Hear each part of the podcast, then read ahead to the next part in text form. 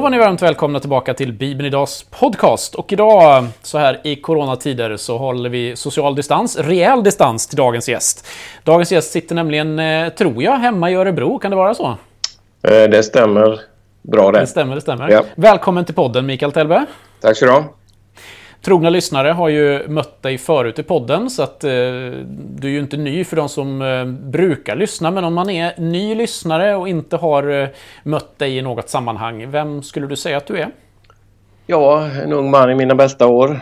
Eh, eh, har jag sagt de senaste 40 åren. Eh, men ja, jag bor i Örebro. Jobbar sedan drygt 30 år tillbaks på Örebro teologiska högskola.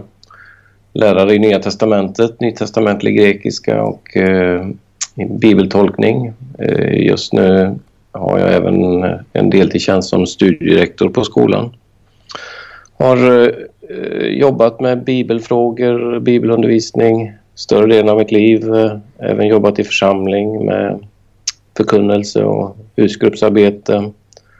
Eh, varit anställd vid Lunds universitet i olika forskningsprojekt eh, under en tioårsperiod. Och på senare tid eh, även jobbat för Svenska Bibelsällskapet med bibelöversättningsarbete som ju är dagens tema, eller hur? Ja, precis. Det, kom, det det ledde jag in fint där. Ja, det var en fin övergång. Du märker att du har varit med förut här. Mm. Ja, vi ska faktiskt göra någonting nu som vi inte har gjort så många gånger i poddens historia och det är att ta i stort sett samma tema en gång till. För att om man går tillbaka i arkivet eh, till 2014 i februari så var du med och då pratade vi om en provöversättning som då pågick och som eh, kom ut 2015. Men nu är det dags igen. Och det är så att eh, Svenska Bibelsällskapet då jobbar med att provöversätta delar av Nya Testamentet. Vad, vad är en provöversättning? Ja, det är precis eh, vad det heter. Det är en översättning på prov.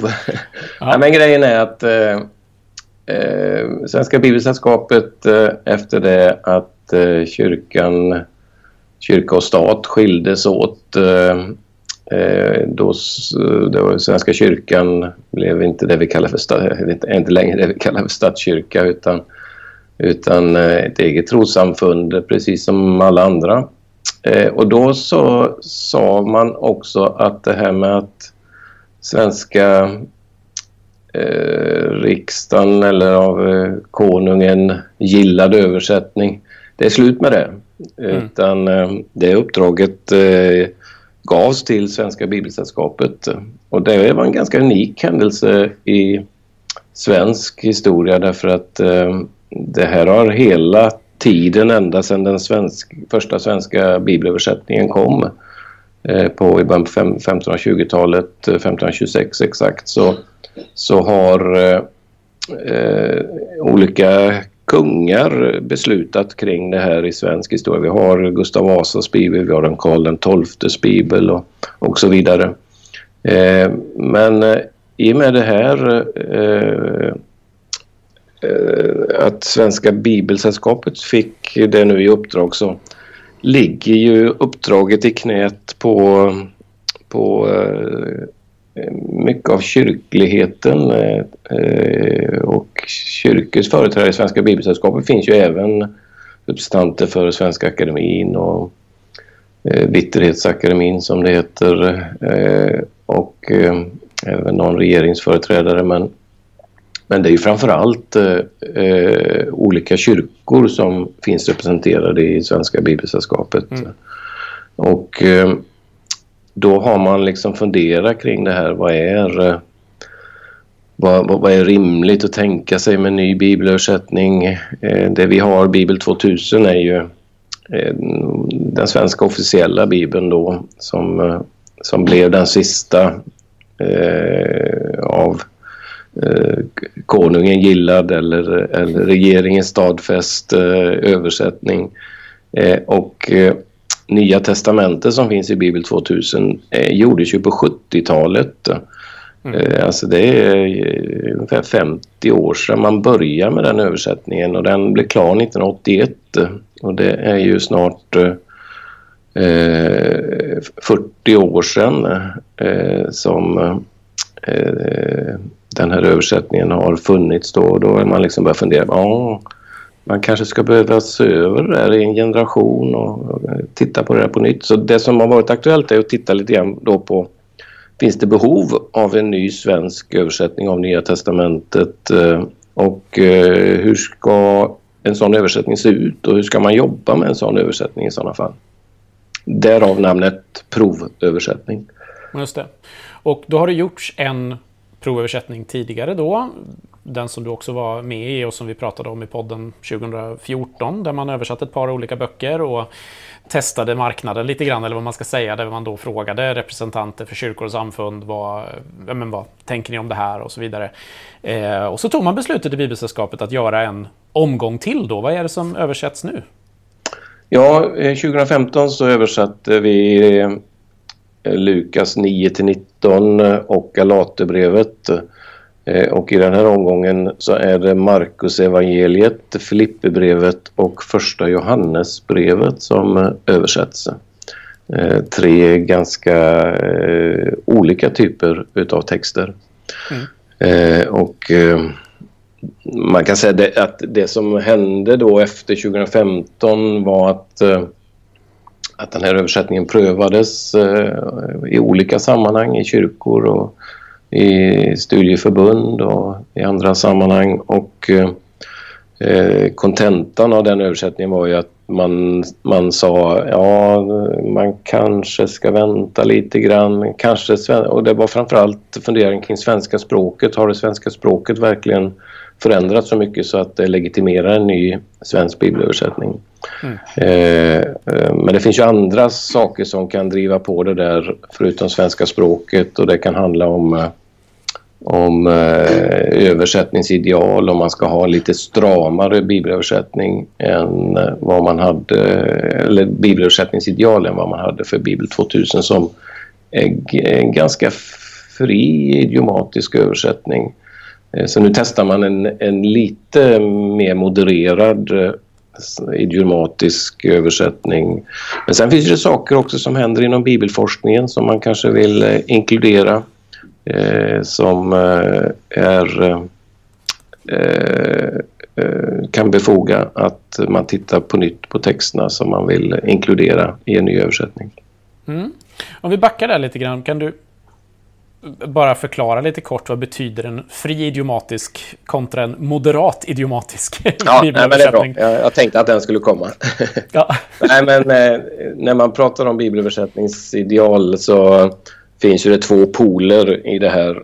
Eh, en litteral översättning som ligger väldigt nära grundspråket eh, i översättningsideal. Men så finns det mycket fri översättning och det brukar man kalla för en parafras och den ligger väldigt nära målspråket i översättningsideal.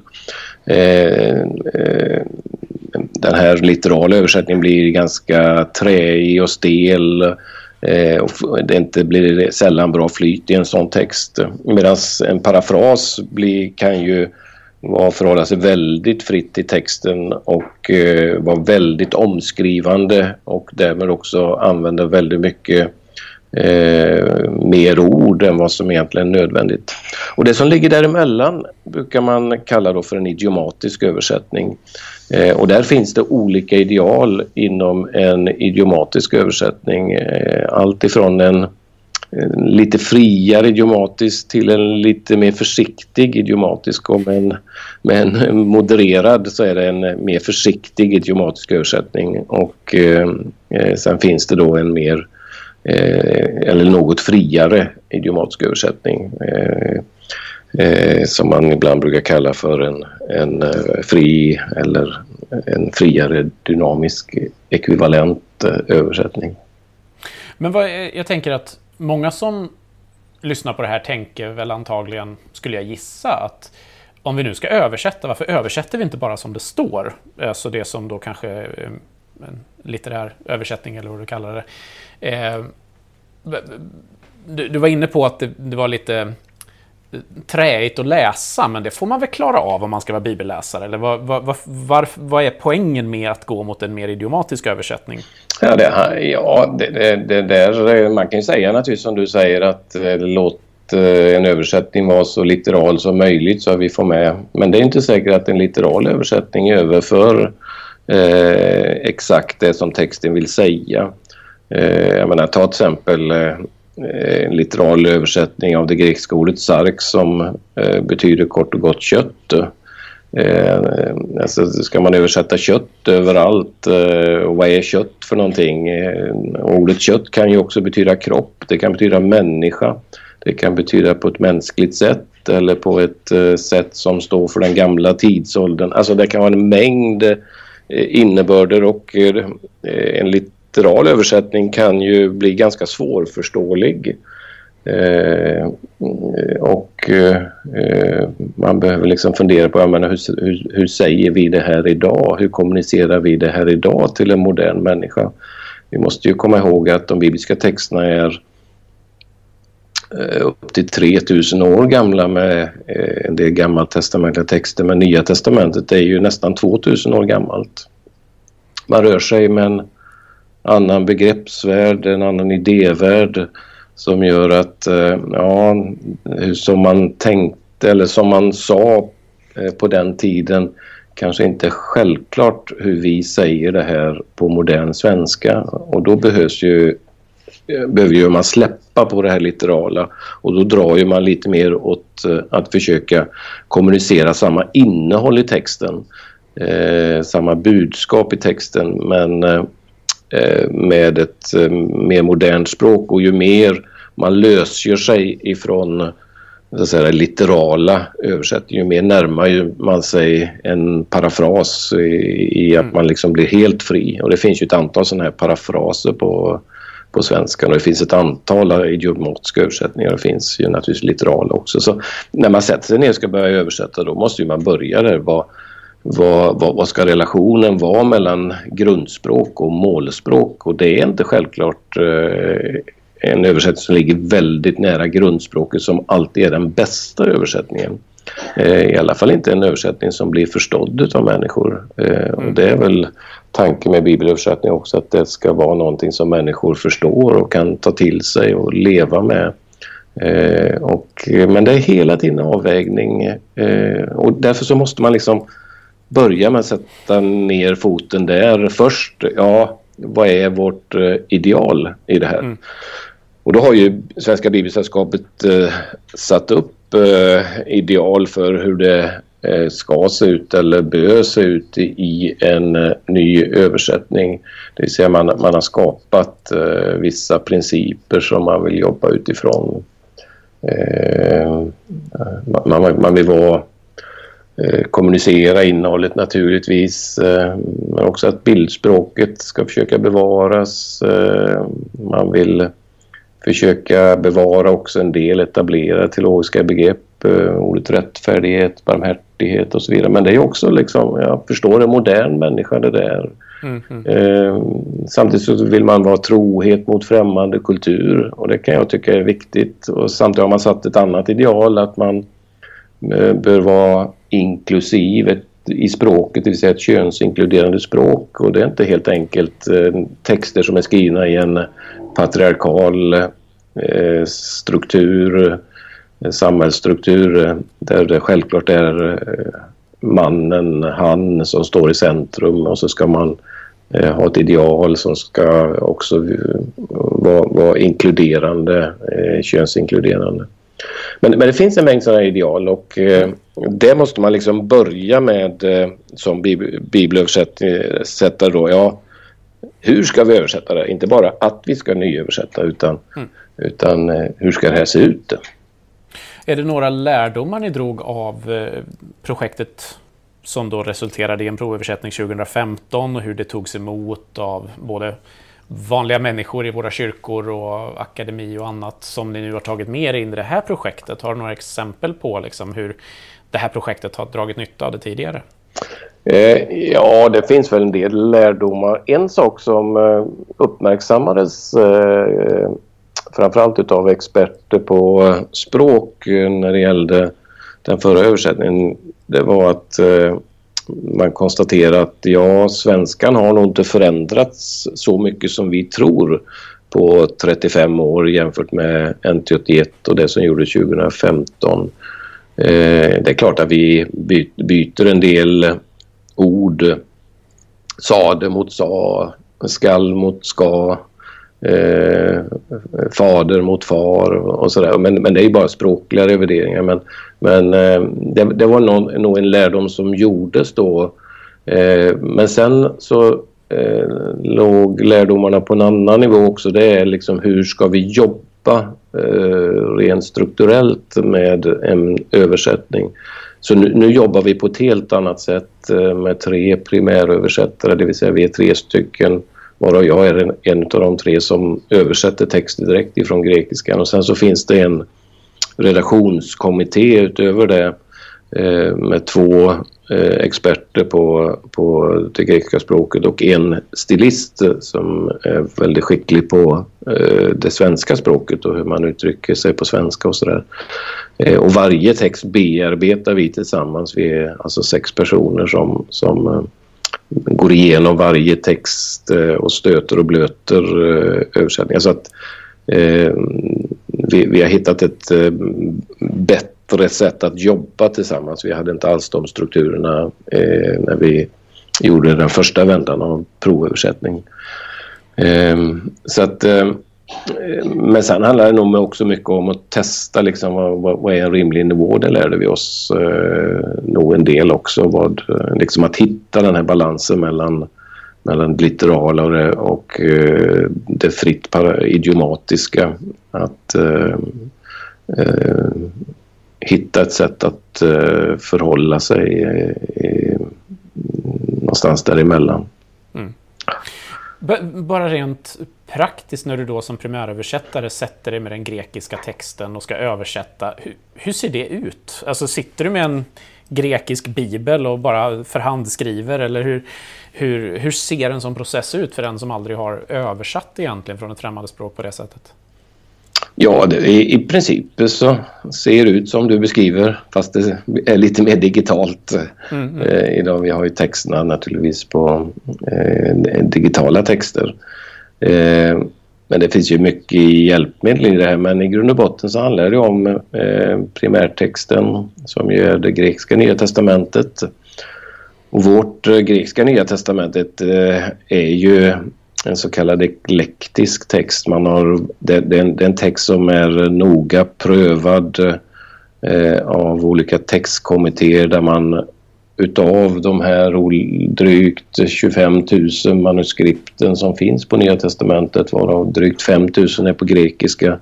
Att man i varje text har noga valt eh, det som är den troligtvis eh, äldsta texten. Vi har ju inga original eh, av bibliska texter. Det har vi för övrigt inte av antika texter heller. Eh, utan man rekonstruerar en text. Vi har ju hela Nya Testamentet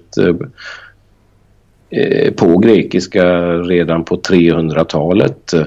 Men vi har flera texter och i de här så finns det vissa varianter och då gäller det hela tiden att väga ja, vilken kan vara ursprunglig, vilken kan vara den äldsta, vilken är den mest spridda och där utifrån vilken text är den mest troliga. Så, så, så den texten, den, det är den grekiska texten vi jobbar utifrån och eh, eh, sen, sen eh, finns det lite olika verktyg. Det finns ju naturligtvis en massa ordböcker, det finns eh, en mängd andra översättningar. Och vi jobbar i ett, i en, eh, i ett program som heter Paratext som är ett eh, bibelöversättarverktyg som används av väldigt många bibelöversättare världen över där de grekiska, hebreiska texterna ligger. Och där ligger Eh, eh, hundratals olika översättningar. Det ligger eh, olika textkommentarer. Det går in. Det går väldigt bra att skriva i paratext och kommentera varandras översättningar i olika nivåer och, man kan skriva in kommentarer och ja, det, det är väldigt användbart verktyg till själva översättningsprocessen. Men i grund och botten så är det jag som översättare som sitter med den grekiska texten och eh, försöker överföra den enligt de här översättningsidealen till, till eh, svenska. Då. Vilket hela tiden är liksom är prövande. Eh, någon sa någon gång att eh, a translator is a traitor. Eh, det säga man, eh, en, en översättare är en bedragare i den betydelsen att, att var, i varje översättning så gör man en massa val. Mm. Alltså det är så mycket val i en bibelöversättning så att eh, alla som har jobbat med bibelöversättning inser vilket omöjligt uppdrag det här egentligen är. Eh, därför att du väljer naturligtvis eh, ord, du väljer meningsuppbyggnad. Man kan inte översätta, eh, om, om det inte ska vara en väldigt träig litteral översättning, då kan du översätta ord för ord men det blir inga bra meningar på svenska. Men, så du måste liksom skapa bra meningar och redan där så är du inne i ett val. Men du väljer också eh, vilka ord du vill använda i svenskan. Eh, jag har jobbat med bibelöversättning. Det finns inget, ingen tid i mitt liv, eh, inte när jag skrivit egna böcker eller andra egna texter, där jag har använt eh, synonymordböcker så mycket. Man testar nyanser på olika ord. Eh, så, så, det är hela tiden ett prövande. Mm, vilket ord ska jag välja här? Vad, eh, vad, vad, vad, vad, kan ordet betyda? Eh, vad är rimligt att det betyder i det här sammanhanget och vilka svenska ord har jag att välja på eh, för att försöka förmedla den här betydelsen. Så det är ständigt en slags vägande och anledningen till att jag tycker det här eh, är så kul är ju att det handlar inte bara om att känna till eh, grundspråket utan ehm, jag är intresserad av förkunnelse och förmedling och kommunikation utav texter. Det vill säga att adressera den moderna människan med bibeltexterna och då, då blir det här väldigt spännande. Eh, det vill säga det är en slags eh, omadresseringsprocess alltihop att gå från den grekiska texten. Den kan jag förstå själva innebörden i stort av men, men hur ska det här formuleras på svenska egentligen? Mm. Eh, det, det, det är den stora utmaningen. Och vem ska jag adressera på svenska? Är det en redan troende människa eller ska jag adressera både troende och icke-troende? Ska den här översättningen kunna användas i grundskolan? Eh, eh, alltså, alltså, vem ser jag framför mig? Eh, så det här med målgrupp är också en viktig fråga att fundera igenom. Mm. Vi kan ju nämna det bara att om man är, blir nyfiken på det här med grekiska grundtexter och manuskript och sådär så finns det ju tror jag, två avsnitt i podden med Tommy Wasserman som ju är en hejare på det där. så Absolut. där kan man mm. välja att lyssna. Men jag förstod jag det rätt att ni inte sysslar så mycket med mm, ni, ni, använder den sammanlagda eller sammanvägda grekiska texten som, som eh, finns. Ni håller inte på så mycket med det här med textfragment hit och dit. Ja, det, det gör vi. Eh, men eh, det finns mycket arbete redan gjort på det här och eh, ja eh, när vi står inför, jag menar, eh, alla utav oss är bekanta med textkritik och det, hur man arbetar med textkritik. Så vi gör en del sådana val men är det väldigt knepiga val då, då eh, drar vi in en sån som Tommy Wasserman och bollar lite med honom hur han skulle resonera i den här texten. Eh, så att Eh, Ehm, som översättare så, så är det därför att det finns många sådana här textvariansval eh, för en översättare som, som eh, man ställs inför. Och jag skulle säga att eh, 8-9 utav 10 utav de valen är eh, hyfsat tydliga eller rimliga. Men så är det de där eh, två av tio som dyker upp som verkligen är luriga. Hur ska, hur ska man resonera här egentligen? Vilket, vilket, vilket kan vara den, den ursprungliga eh, läsarten? Mm. Du nämnde det var, var det Markus, Filipperbrevet och första Johannes? Japp. Mm. Vet du varför det är just de tre? Eh, ja, det vet jag. Eh, för det första ville man ha en pröva en ny evangelietext. Eh, vi körde ju med Lukas förra gången. Eh, och Markus är intressant. Eh, det är en spännande text, en ganska kort, rapp skickligt berättad text som är väldigt annorlunda från Lukas evangeliet. Sen vill man ha ett Paulusbrev till. Galaterbrevet är ett eh, eh, spännande kort brev. Ett annat brev som inte är för omfattande är Filippibrevet. Eh, mm. Och, men det ser ganska annorlunda ut än, än Galaterbrevet. Eh, och sen så ville man ha tredje text eh, och då gärna en Johannes-text som är... Eh, Johannes har ju flera viktiga texter i Nya Testamentet och då föll valet på just eh, första Johannesbrevet. Mm. Inte, man skulle kunna ta Johannes evangeliet också men då hade vi fått två evangelier så att det blev ganska tydligt att, eh, eller lätt val där, att det blev första Johannesbrevet. Mm. Har ni, ni så du sa det tre primäröversättare, har ni en del en, ett, en bok var? Eller? Ja, precis. Så eh, Dan Nesselqvist som jobbar vid Lunds universitet är ansvarig för Marcus evangeliet och Lisa Buratti som också är kopplad till Lunds universitet och präst i Svenska kyrkan. Eh, hon eh, är ansvarig för första Johannesbrevet och eh, jag själv är ansvarig för Filippebrevet. Så då fick du Paulus till slut? Ja, det var det, i och med att jag gjorde Lukas förra gången så var det jag sa det, ska jag vara med en gång till så vill jag göra Paulus. Paulus har jag ju en viss förkärlek till och har jobbat med under många år av mitt liv. Mm. Vill du, kan du ge något exempel på någonting ur, antingen ur redaktionsgruppen i den större, eh, ni sex, eller ur ditt eget arbete på någonting som har ett exempel på ett sånt här lurigt ställe eller svårt ställe som ni har fått jobba mycket med eller som du har fått tänka mycket kring. Eh, bara för att få lite smak för vad det är för typ av val ni behöver göra. Ja, det där är ju... Det där är, eh, skulle man kunna ta många exempel på egentligen.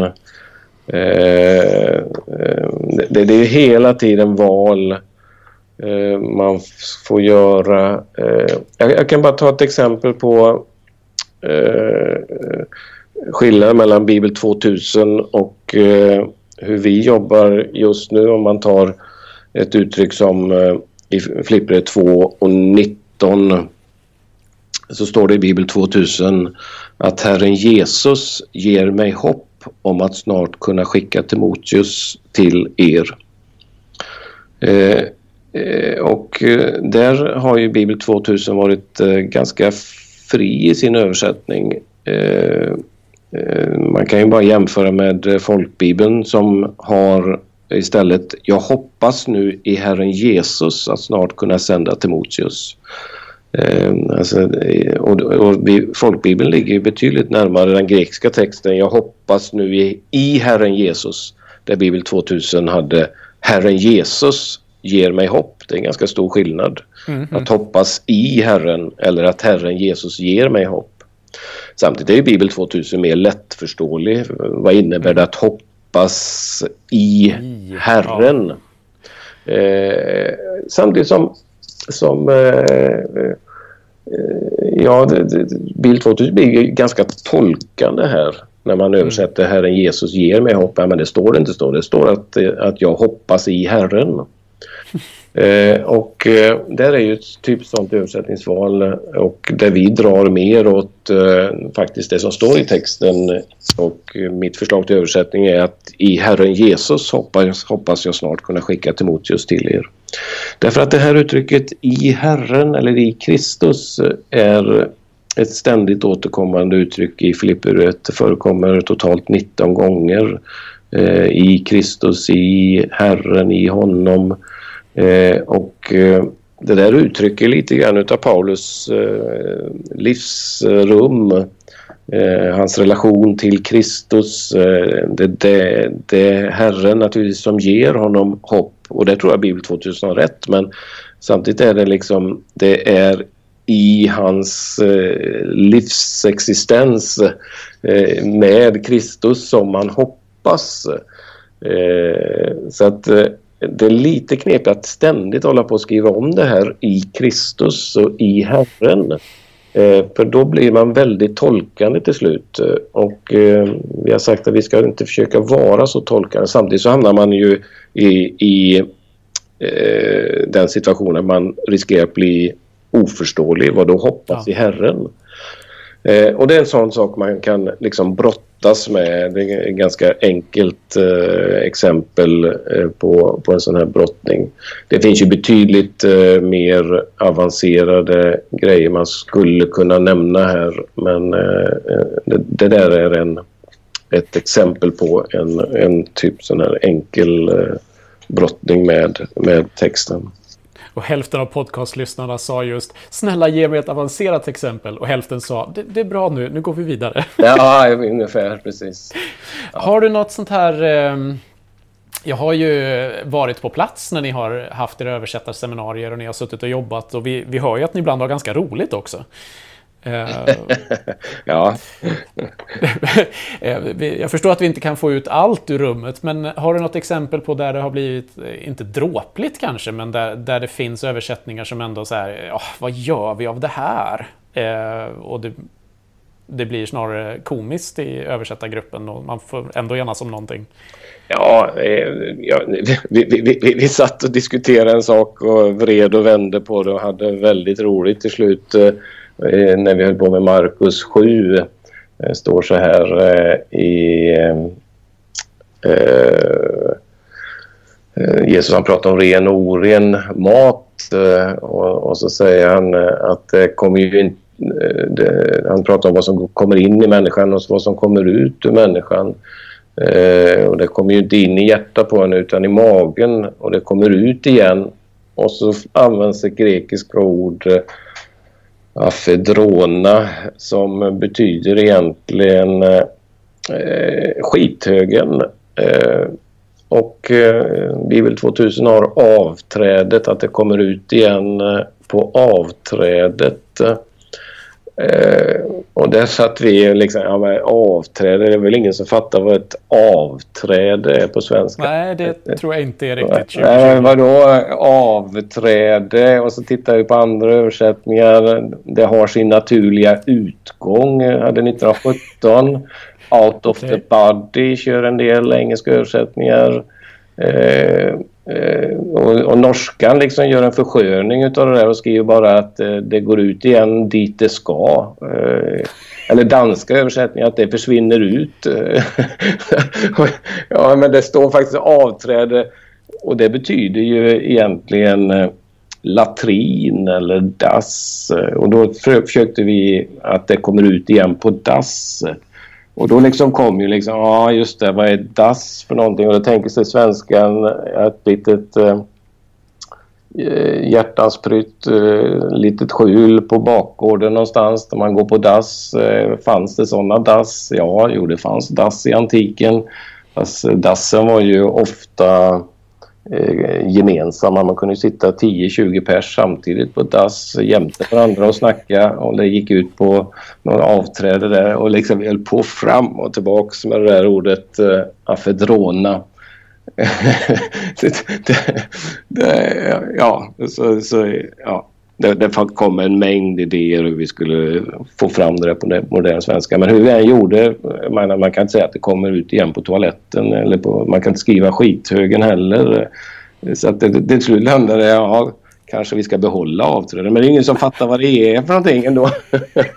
ja, så vi höll på, jag tror vi spenderade nästan en timme på det där och och eh, förkastade avträde och det slutade med att till slut att vi, ja, vi får nog behålla avträde. och så förklara det i not eh, i sådana fall. ja. Okej, okay, så en timme på skithögen? Ja, eh. ungefär. För att ta en, ett dråpligt exempel hur det kan gå till i en översättningsgrupp. Att, att, utreda, att utreda hur antika latrinsystem och eh, toaletter fungerade. Det var liksom vad vi höll på med för att hitta rätt eh, svenskt ord där och ändå famlar vi till slut eh, vad som skulle stå där. Vi får helt enkelt se när, när ni är helt klara vad det, vad det blev för någonting. Det kommer vara det första många slår upp nu. Ja, nej men det här kan ju låta lite banalt och det var någon som hotade med att kör vi med DAS så kommer den här bibelöversättningen komma att kallas DAS-översättningen i framtiden. Yep. Eh, så att liksom, det, det, här låter lite banalt. Det, det finns naturligtvis betydligt mer eh, avancerade problem som vi har eh, diskuterat eh, längs vägen. Eh, och jag vet inte om du vill ha något exempel på det där ytterligare ja, eller om du nöjer dig. Jo, men ta ett exempel till. För jag tror att det här är just den typen av avvägningar som när man aldrig har sysslat med bibelöversättning på det sättet så jag tycker mig ofta möta det i just församlingar när man är ute och pratar med människor. Men jag vill bara ha en bibelöversättning som översätter precis som det står. Och just den här, vare sig det är en, en, en dass eller en, en, fråga om eh, i Kristus, så jag tror att det ger en, en, en god bild av vad, vad som faktiskt ligger bakom en bibelöversättning och varför det kan stå olika i olika bibelöversättningar. Så visst, kör ett exempel till. Ja, men det, kan jag. Det, här, det här är betydligt mer avancerat exempel som jag tycker är väldigt eh, svår eh, text att översätta. Och det är när det i Bibel 2000 står i Filipperbrevet 2.17 eh, står det Ja, även om mitt blod skulle utgjutas när jag bär fram er tro som ett offer till Gud är jag glad och gläds med er alla. Och Bibel 2000 har ju valt här att eh, tolka det som att eh, Paulus blod utgjuts under det att han bär fram Filippernas tro som ett offer till Gud. Grekiskan är eh, ganska komplicerad i eh, formuleringarna vilket gör att eh, det inte alls är självklart eh, att eh, det är Filippernas tro som Paulus bär fram som ett offer. Och jag har i min översättning landat i en ganska annorlunda översättning. Att Paulus talar om att hans blod ska utgjutas i någon mening eh, men är det verkligen flippernas tro som han bär fram som ett offer?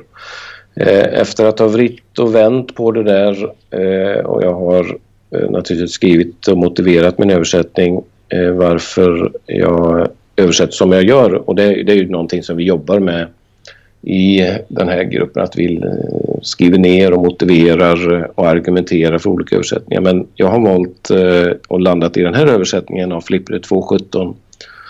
Ja, även om mitt liv skulle utgjutas som ett dryckesoffer när ni, när ni utför er trofasta offertjänst är jag glad och gläds med er alla. Och här blir översättningen annorlunda än Bibel 2000. Jag påminner igen Bibel 2000. Även om mitt blod skulle utgjutas när jag bär fram er tro som ett offer eh, så tror jag att en mer korrekt översättning är att även om mitt liv skulle utgjutas som ett dryckesoffer, dels så använder han terminologin för det gamla testamentliga dryckesoffer, här får man naturligtvis ha en not som förklarar det. Men det är inte Filippernas eh, så att säga, tro han lyfter fram som ett offer utan snarare att de gör någonting tillsammans. Även om mitt liv skulle utgjutas som ett dryckesoffer när ni utför er trofasta offertjänst. Det vill säga de gör någonting tillsammans och det är därför han gläds eh, och att de ska glädjas tillsammans som han är inne på här. Och det där är en, en typ som säger man kan ägna ganska mycket tid och, eh, mm. Eh, och göra sådana här avvägningar för det förändrar ju eh, faktiskt eh, innebörden i den här texten. Och man kan inte bara göra en sån här översättning utan att eh, noggrant eh, också argumentera och titta vad andra har gjort och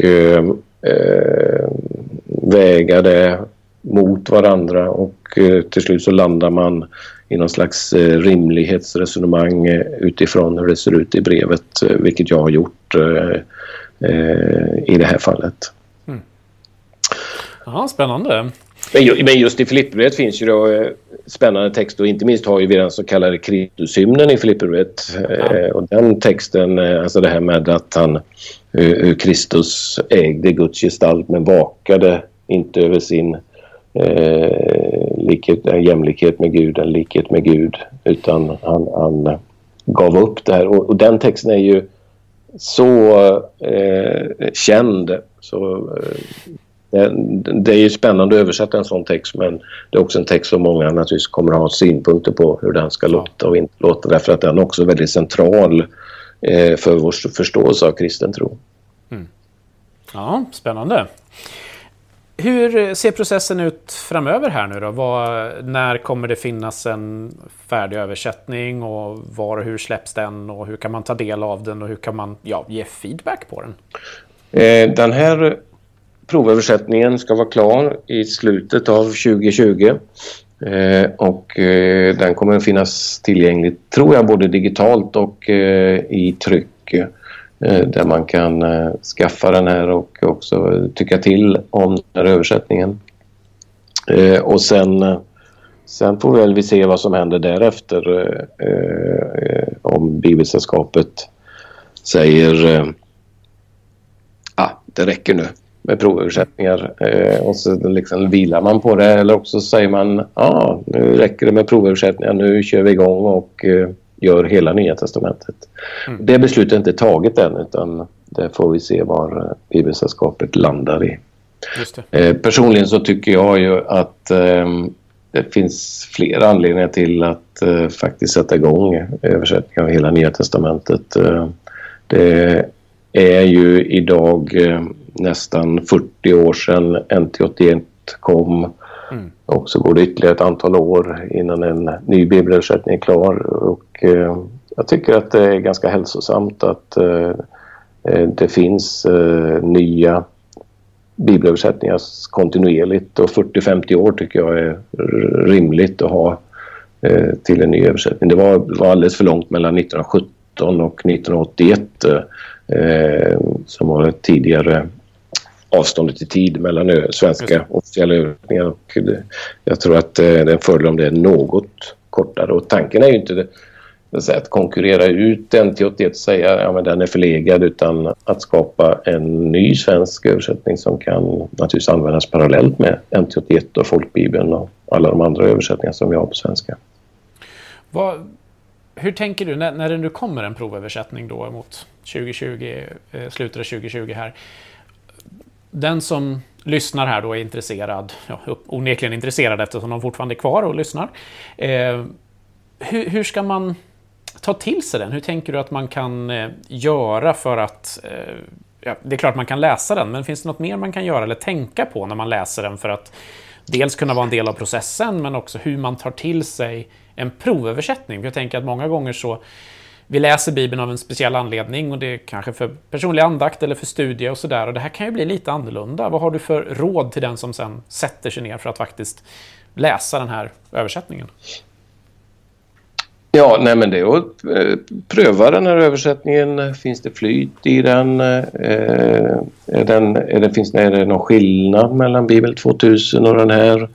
Eh, jag menar att översätta bibeltext som jag sa det är nästan en omöjlig uppgift för att alla har åsikter om hur texterna mm. ska ly, lyda och sådär. Naturligtvis till, till syvende och sist är det en fråga om eh, hur ser den grekiska texten ut som vi ska översätta. Så att eh, en översättning avgörs ju inte bara på hur det låter, om det låter modern svenska. Så det är ju, det är ju en mängd andra faktorer som måste vägas in.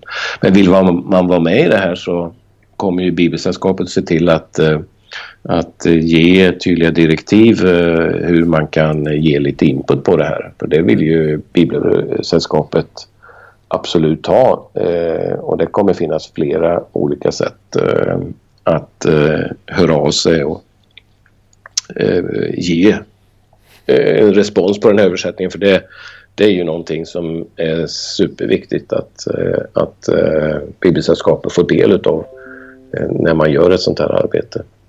Mm. Och det kommer ju sändas upp ut till olika kyrkor, olika samfund eh, och eh, man kommer också vilja få in eh, typ av remissvar eh, på de här översättningarna eh, innan man fattar ytterligare beslut. Just det. Stort tack för att du tog dig tiden att eh, vara med här i podden. Ja, ja, kul att vara med. Det var ju bara några korta inblickar i, i det här. Men Eh, Eh, bibelöversättningsarbete är ju oerhört spännande och intressant. Och, eh, eh jag, jag, jag, för, för, all, för dig som lyssnar på det här eh, bibelöversättning är ju någonting som vi ständigt måste leva med här och du har självklart, utgår ifrån, valt eh, att följa en viss bibelöversättning och du kan fundera på varför du har valt den här bibelöversättningen och Eh, vad du tycker är en bra bibelöversättning och en mindre bra översättning. Ofta har vi våra favoritbibeltexter vi går till och hur de ska lyda och inte lyda. Eh, men eh, det kan ju vara ett eh, tillfälle att fundera på eh, varför läser du en viss bibelöversättning och eh, eh vad tycker du är ett uttryck för en bra bibelöversättning? Eh, och som sagt, bibelöversättningsarbete måste ständigt eh, pågå. Då har vi fått till exempel en ny bibelöversättning på danska som har kommit i vår. Eh, danskarna har ny och eh, norskarna har, eller norrmännen har en eh, betydligt nyare bibelöversättning än vad vi har. En officiell bibelöversättning från 2011. Så att det, liksom, eh, det är ett uttryck för hur våra grannländer eh, ligger väl framme eh, och skapar nya bibelöversättningar. Eh, och jag tror att vi behöver göra det i Sverige också. Mm. Och jag brukar säga det när, jag, när folk frågar mig om mina bibelläsningstips. Att en sak som jag tror verkligen kan hjälpa i bibelläsningen är att ibland skifta från ditt hjärtas bibelöversättning just för att se texterna med nya ögon. Det kan vara att välja en mer eh, parafrasöversättning under en månads läsning eller någonting just för att eh, kanske ta de här klassiska texterna i ett nytt ljus. Ja. Eh, och där kan mm. ju en provöversättning göra en, eh, precis det ja, men kan man verkligen översätta så här? Kan det verkligen betyda det här? Eh, det är ju en, en tror jag, en viktig del för att ibland kan det bli slentrian i bibelläsningen just för att jag kan den här texten, jag har ja, hört den ja, förut. Absolut. Eh. Nej, men det är ju min, det är självklart också min uppmuntran att byta bibelöversättning ibland och också mm. tänka på vad är det för typ av bibelöversättning. Man kan läsa The Message, eh, en ganska fri översättning. Eh, som liksom omväxling och så kan man byta mellan Bibel 2000 eller Folkbibeln. Det finns ju Nu-bibeln också. Mm. Eh, och man kan ju också fundera på, finns det någon lite mer bokstavlig översättning? Vi har ju inte så många eh, litterala översättningar, moderna översättningar på svenska. Men det finns mm. ju till exempel 1883 års översättning eller Helge Åkessons översättning som är betydligt mer litterala. Men eller, det Ja. Kärnbibeln också som ja. lägger in flera ord i texten ibland bara ja. för att, som att, studieobjekt. Absolut. Kärnbibeln brukar jag ibland eh, dock resa ett viss varningens flagg inför därför att kärnbibeln kan ju plocka in för mycket ord. Eh, det vill säga ett ord kan ha ju eh, kan ha många betydelser men har inte så många betydelser i en speciell kontext, ett, speciellt sammanhang. Utan sammanhang avgör ofta ett ords betydelse. Mm. Ja, men säger jag ordet häst, ja, men det kan ju betyda eh, en fysiskt levande häst, men det kan ju vara en schackpjäs, det kan ju vara en mm. leksak, mm. det kan ju vara en gunghäst eh, och, och, och därför kan det liksom inte vara vilken typ av häst i vilket sammanhang som helst utan det får sin bestämmelse av naturligtvis vad, vad, vad, vilket sammanhang. Mm. Eh, så att eh, det finns en fara. Jag tycker kärnbibeln är ett intressant projekt men, men eh, det finns en, liksom, en fara att man liksom tror att man får ett dukat bord framför sig med fem, sex olika betydelser och så väljer jag vilken jag tycker skulle passa bäst. Mm. Och det där är risken med eh, kärnbibeln och kärnbibeln har ju en engelsk förlaga i det som kallas för The Amplified Bible och det, jag brukar ibland resa viss eh, varningens flagg eh, för hur man använder den där eh, mm. bibeln. Ja, bra. Men i, i studiesyfte, helt okej. Okay, men ja. det är uppe. Men där är ju verkligen en sån sak som, som vi behöver vara ödmjuka för. Det tycker jag en sån här diskussion verkligen kan belysa. Just det att det här är svårt. Mm. Och att om jag ska studera för att verkligen djuplodat förstå någonting så räcker inte en översättning. Utan jag behöver till och med kanske förstå grekiskan, men att åtminstone titta på en, en rad olika översättningar. Mm. Eh, för att se, är det här ett enkelt ställe att översätta, det vill säga alla översätter ungefär likadant? Eller finns det flera varianter innan mm. jag gör för stora växlar på mitt studie? Absolut. Det är bra. Um, Ja, vi har redan nämnt det några gånger här i podcasten att eh, man kan ju titta igenom arkivet om man vill. Det finns fler poddar med, med dig om man tyckte om eh, dina inlägg i debatten, höll jag på att säga. Men eh, också med då Tommy Wasserman till exempel som jobbar med det här. Och det hittar hela arkivet både på Bibeln Idags hemsida podcast.bibelnidag.org eller i Spotify eller din podcast-app. Det är bara att söka på Bibeln Idags podcast så ligger hela arkivet där. Du kanske går, får tillbaka, gå tillbaka och lyssna Mikael och se om du håller med vad du sa där 2014. Ja, det vore, vore hemskt uh, att göra, lyssna på det. Men uh, jag kanske ska göra det en vacker dag. en vacker dag. När, ja. någon, jag menar någon gång när du har mycket tid, när du måste vara hemma och sådär kan jag tänka på ja, ja. tillfälle kanske. Ja. ja, absolut. Jag kanske gör det. Tack för tipset. ja, stort tack för att du var med och stort tack till er som har lyssnat. Vi hörs igen. Hej! Tack. Hej med er.